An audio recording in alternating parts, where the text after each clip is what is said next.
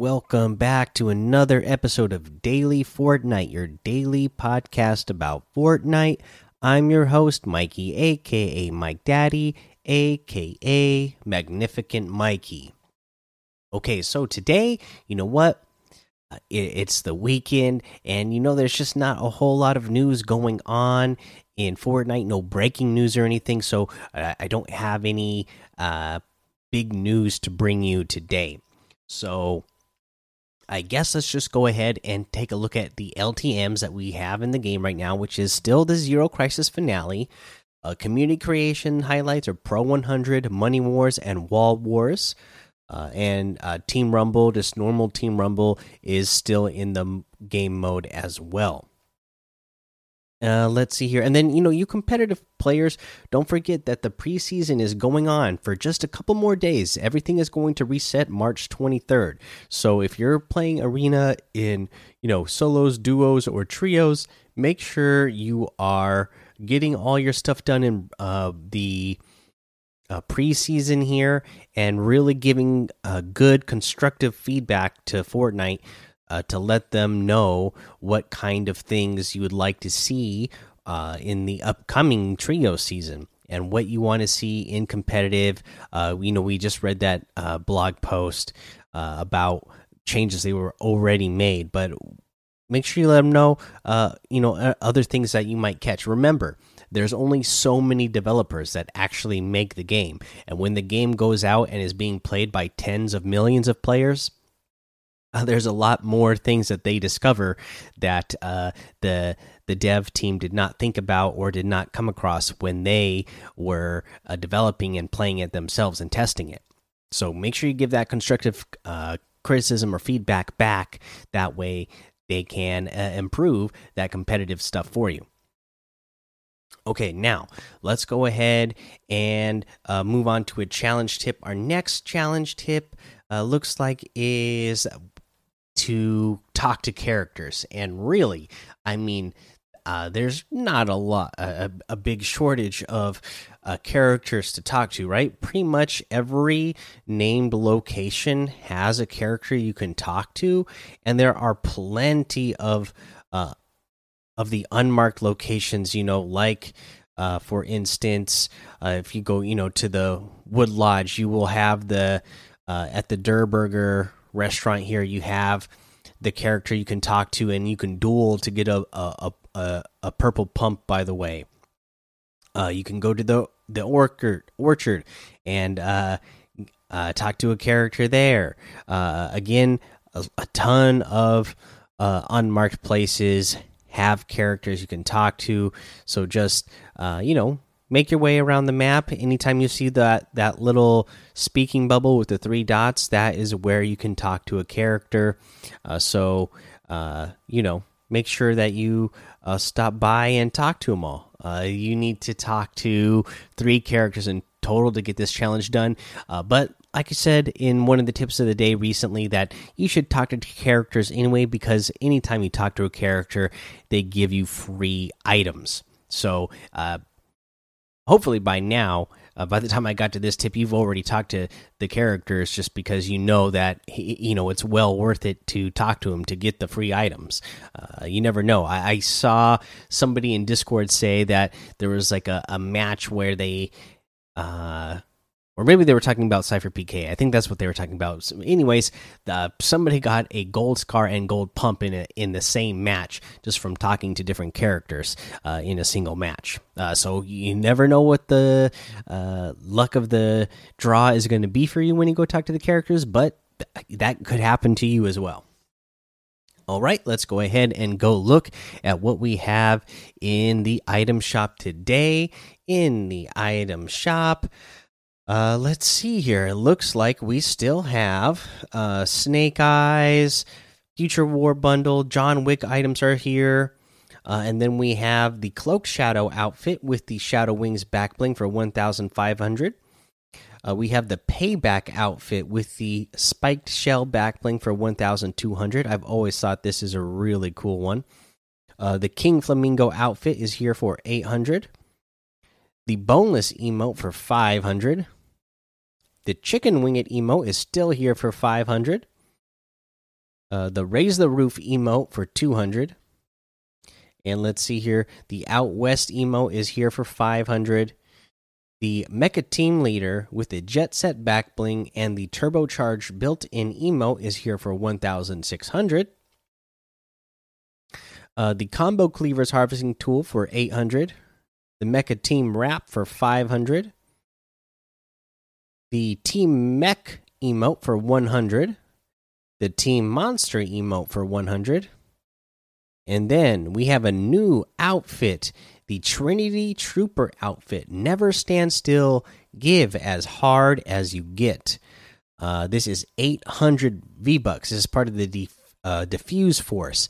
And for 800 V Bucks, this is a great deal because I'll tell you what, the, the character, the outfit looks great. You know, it's Agent Ramirez, uh, and it actually has a couple selectable styles. So the default, you have, you're wearing like uh, a purple, pink, uh, I guess it's pink uh, bodysuit, uh, and then on the top half you got on like a cut off uh, jacket on the top that's black with a cool like what's that color style called ombre, where it's it starts out uh, one color on top and then fades into another color. Uh, but anyway, starts pink on top and then fades into teal, so that looks really cool. Uh, but yeah, and then the default uh, style is that, and then the you have an orange style where your bodysuit is like orange, and then the highlight is uh, a bright blue. So really uh, good looking outfit, and again. The fact that this one already has a selectable style uh, and it's only 800 V bucks is a great deal. I know we have have had item or outfits like uh, you know fish stick in the past where you get it or uh yeah, that's the one I can think of off the top of my head, like fish stick, where you get selected by selectable styles later on. But this is great that you already have selectable styles, and it's 800 V bucks. So yeah, I'm I'm a, I'm a big fan of this one.